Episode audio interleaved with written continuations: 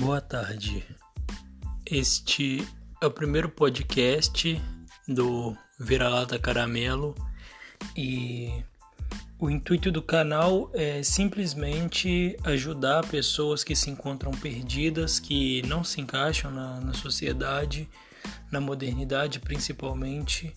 E inclusive eu sou um destes, mas eu não tenho o intuito de ser alguém que vai ter seguidores.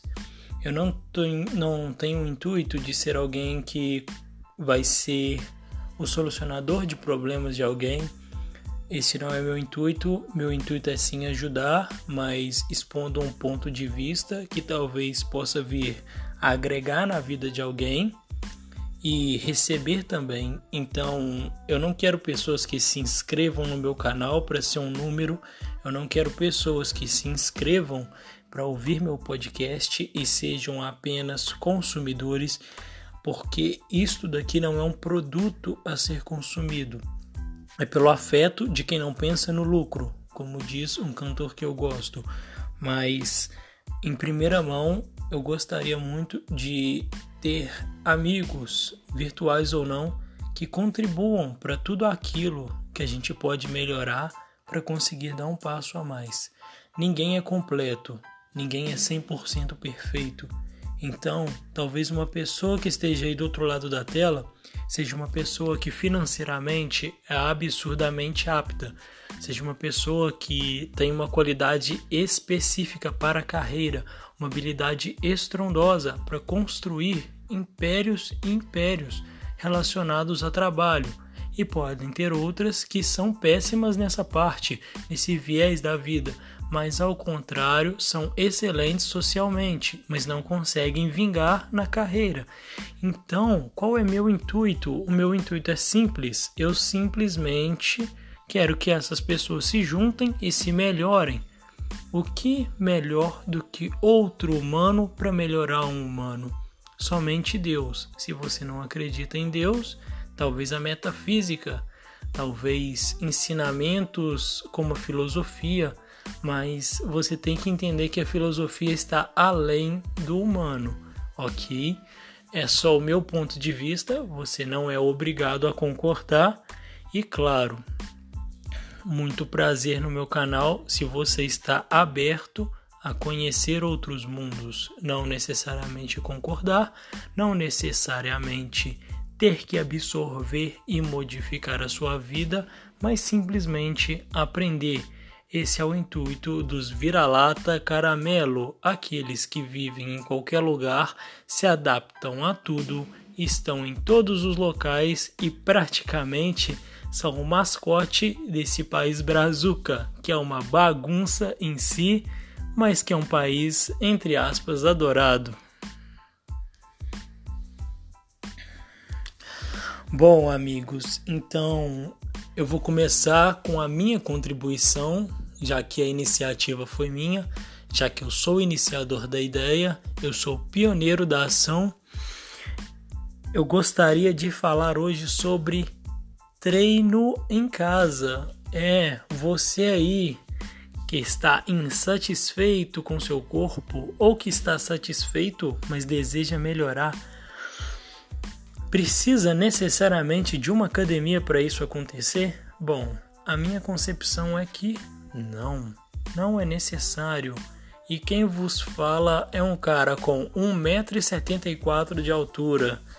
É um cara que tem 80 quilos e pouquíssima gordura no corpo. Pois então, qual é o meu segredo? Eu tenho uma máquina da Polishop? Não, eu não tenho. O que eu tenho é simplesmente disciplina, uma capacidade autodidata de pesquisar, aprender e aplicar. O que é mais importante que tudo nessa vida para alguém que deseja evolução? A minha concepção é o empirismo, o que, que é o empirismo? É alguém que simplesmente vê uma coisa, pensa em como aplicar aquela coisa de forma prática, aplica, vê os resultados e com o tempo vai melhorando. Um exemplo uma pessoa que vê uma receita de bolo, cara. Por exemplo, a pessoa nunca fez bolo na vida, ela viu uma receita, seguiu essa receita, ah, essa parte deu errado, então ela modifica um pouquinho, até mesmo a receita original, para se adequar. E quando aquilo dá certo, ela encontrou o ponto-chave. Ela achou o resultado final das ideias que ela tem. Mas eu não sou a favor de ficar teorizando a vida inteira e nunca aplicar. Portanto, eu venho aqui para ajudar aquele que quer melhorar seu corpo gastando simplesmente a energia de uma pesquisa, o tempo de treino e a disciplina diária de se manter constante. Bom, vamos lá. Então, para você que é zerado, odeia seu corpo, e quando eu digo zerado é no sentido de treino, de esporte, de tudo por onde eu começo, vira-lata caramelo? Bom, a forma que você deve estabelecer para si um objetivo vem de você. Essa parte eu não posso falar, cara. Então você põe na sua cabeça aí, se você está acima do peso que você gostaria, você diz: Eu quero emagrecer 10 quilos em seis meses. Para você, pode ser uma coisa que ah, 10 quilos não é nada, eu peso 90 quilos acima do que eu deveria. Eu peso 100 quilos acima do que eu queria, do que eu gostaria.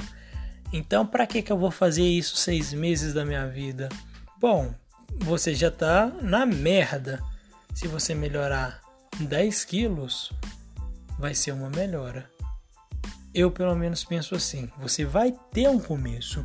E se você não tem condições de ir para uma academia, de fazer uma dieta seguida à risca por um nutricionista ou um nutrólogo, então, cara, o que, que você tem a perder? Eu acredito que nada. Tempo.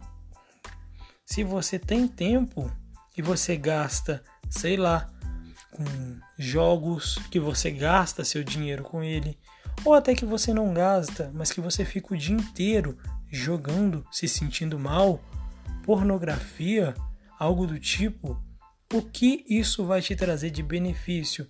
Agora, se você é um cara super atarefado, o que você tem a ganhar é organizar a sua vida para cumprir um objetivo. Eu te garanto que isso vai te trazer melhoras no lado social, no lado físico, no lado espiritual da sua masculinidade e também na sua capacidade de autoconsciência. É muito importante para um homem saber quais são seus limites. E sim, este podcast é feito exclusivamente para homens, ok? Portanto, mulheres, se me assistirem, não esperem que eu fale de vocês ou para vocês, porque está além da minha capacidade, tá? Então, beleza, você estabeleceu um objetivo. Qual o próximo passo? Simplesmente pesquisar. Então, você conseguiu achar aí que você quer 10 quilos a menos. Você faz o que? Procura treinos, treinos e treinos de como emagrecer. Vai aparecer um milhão de treinos milagrosos e é justamente desses treinos que você vai fugir.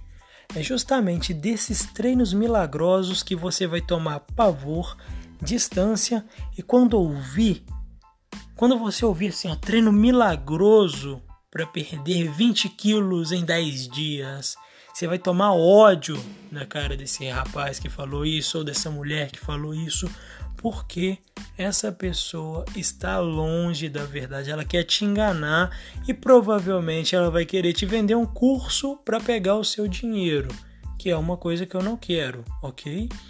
Então, você vai pesquisar um treino que não seja nada fácil de realizar, aquele que parece mais chato, aquele que você fala, pô, mas eu vou ter que fazer isso todo dia. Aí eu te respondo: é, você vai ter que fazer isso todo dia se você quiser um resultado de verdade.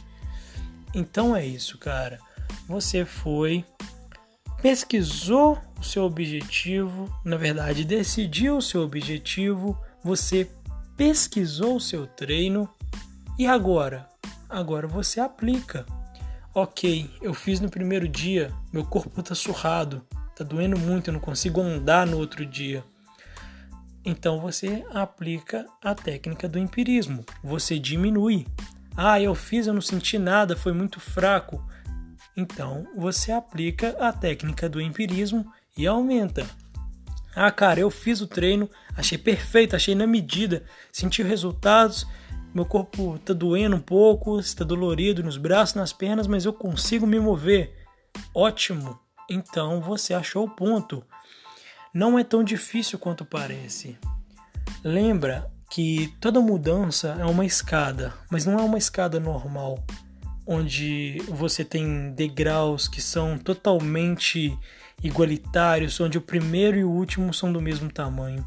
A, a saída do conforto, a saída da inércia, ela exige uma força, mas depois que você aplica essa força e você sai da inércia, depois que você gera um movimento primário, sabe? É quando você está sentado para ir até a padaria, por exemplo. Se levantar é muito mais difícil do que percorrer o caminho em si, mesmo que ele seja longo, porque essa saída da inércia, esse momento primário em que você se move, é um momento crucial. Então essa escada vem sempre com os primeiros degraus enormes que depois vão diminuindo e vão sendo mais fácil de se conquistar. Uma dica que eu dou para qualquer pessoa é jamais desistir no começo. Desista na metade, porque aí sim você vai saber se aquilo é ou não para você, porque o começo é sempre difícil. Então você aplicou o seu treino, você decidiu seu objetivo e tá tudo caminhando. Beleza, qual é o próximo passo depois disso? O próximo passo é você simplesmente se manter constante, pelo menos durante um mês. Você tem que deixar dias para você descansar e dias para você treinar. Se você nunca fez nada na sua vida, treina um dia e descansa três. Se você fez medianamente, treina um dia e descansa dois. Você não precisa também começar sendo Rambo, entende? O que eu quero dizer é que a constância traz resultados magníficos. Se você faz algo abaixo da média, porém constante, você tem resultados excelentes de alguém que faz algo muito acima da média, mas raramente. A constância é primordial, ela é prioritária para alguém que quer chegar em algum lugar. Então, quais, quais os dois passos para você se manter constante, cara? Para você não perder o foco? O primeiro é a motivação. Esse vídeo provavelmente vai ser motivacional para alguém. Ele vai chegar em alguém e vai ser algo que a pessoa vai ouvir vai falar: É, cara, agora eu quero continuar, é o que eu preciso, eu vou mudar de vida. Mas deu um segundo, deu um minuto, deu dez minutos, bate aquele desânimo você fala: Ah, isso não é para mim. É aí que a motivação vai embora. E a única coisa capaz de sobrepor a motivação, eu diria que ela é maior do que a motivação. A única coisa capaz de bater de frente com a motivação é a disciplina. A disciplina é feita para os dias ruins. A disciplina é o que separa o joio do trigo, os homens dos meninos. A disciplina é o carro motor do sucesso. Vai ter dias que você vai acordar motivado, que você vai fazer sem esforço e você vai ter os resultados. E nos dias ruins, o que você precisa é da disciplina. A disciplina não é uma motivação. A disciplina não é você se animar. A disciplina é você colocar em mente que a sua capacidade, mesmo que não exista, ela pode ser transformada pelo meio da vontade. Se você me ouviu, se você me ouve e você já viu Naruto, você conhece o Rock Lee provavelmente. E aquele menino é a disciplina em pessoa. Eu quero fazer um episódio específico sobre personagens de anime, não porque eu sou otaku, não sou otaku, mas eu gosto de pegar coisas que as pessoas gostam para explicar para elas os tipos de coisa que eu penso. Então, o Rock Lee é o exemplo da disciplina. Se você não conhece o Rock Lee, você coloca no YouTube assim: Rock Lee versus Gara, ok? Naruto, luta completa. E aí você vai entender o que, que eu quero dizer sobre disciplina, sobre ser constante, sobre sempre se manter forte, mesmo quando você não tem nada pelo que lutar. Esse é o poder da disciplina. É a constância quando não se tem motivo. É quando a motivação vai embora, te abandona e você continua. Eu não sei se ficou bem explicado, até porque esse é meu primeiro podcast. Eu não tenho nem um pouco de costume com esse tipo de coisa. Eu tô falando pro meu celular, isso é muito estranho, mas independente disso, eu quero ajudar, eu quero contribuir na vida de alguém e eu posso fazer 10 milhões de podcasts sobre o mesmo assunto, desde que as dúvidas sejam pertinentes. Se ficar muito difícil ainda de entender, eu faço um vídeo prático mostrando exercício de emagrecimento ou qualquer coisa do tipo. O que eu não quero é que você, que não se sente parte do mundo, continue se sentindo assim, ok? Vamos ajudar uns aos outros. Vamos mudar as coisas pelo simples ou pelo complexo, pelo que der, vamos contribuir para o mundo, ok? Então, esse foi o podcast do Vira-Lata Caramelo. Caso alguém escute, eu espero que ninguém vai escutar, eu agradeço de antemão. E é isso.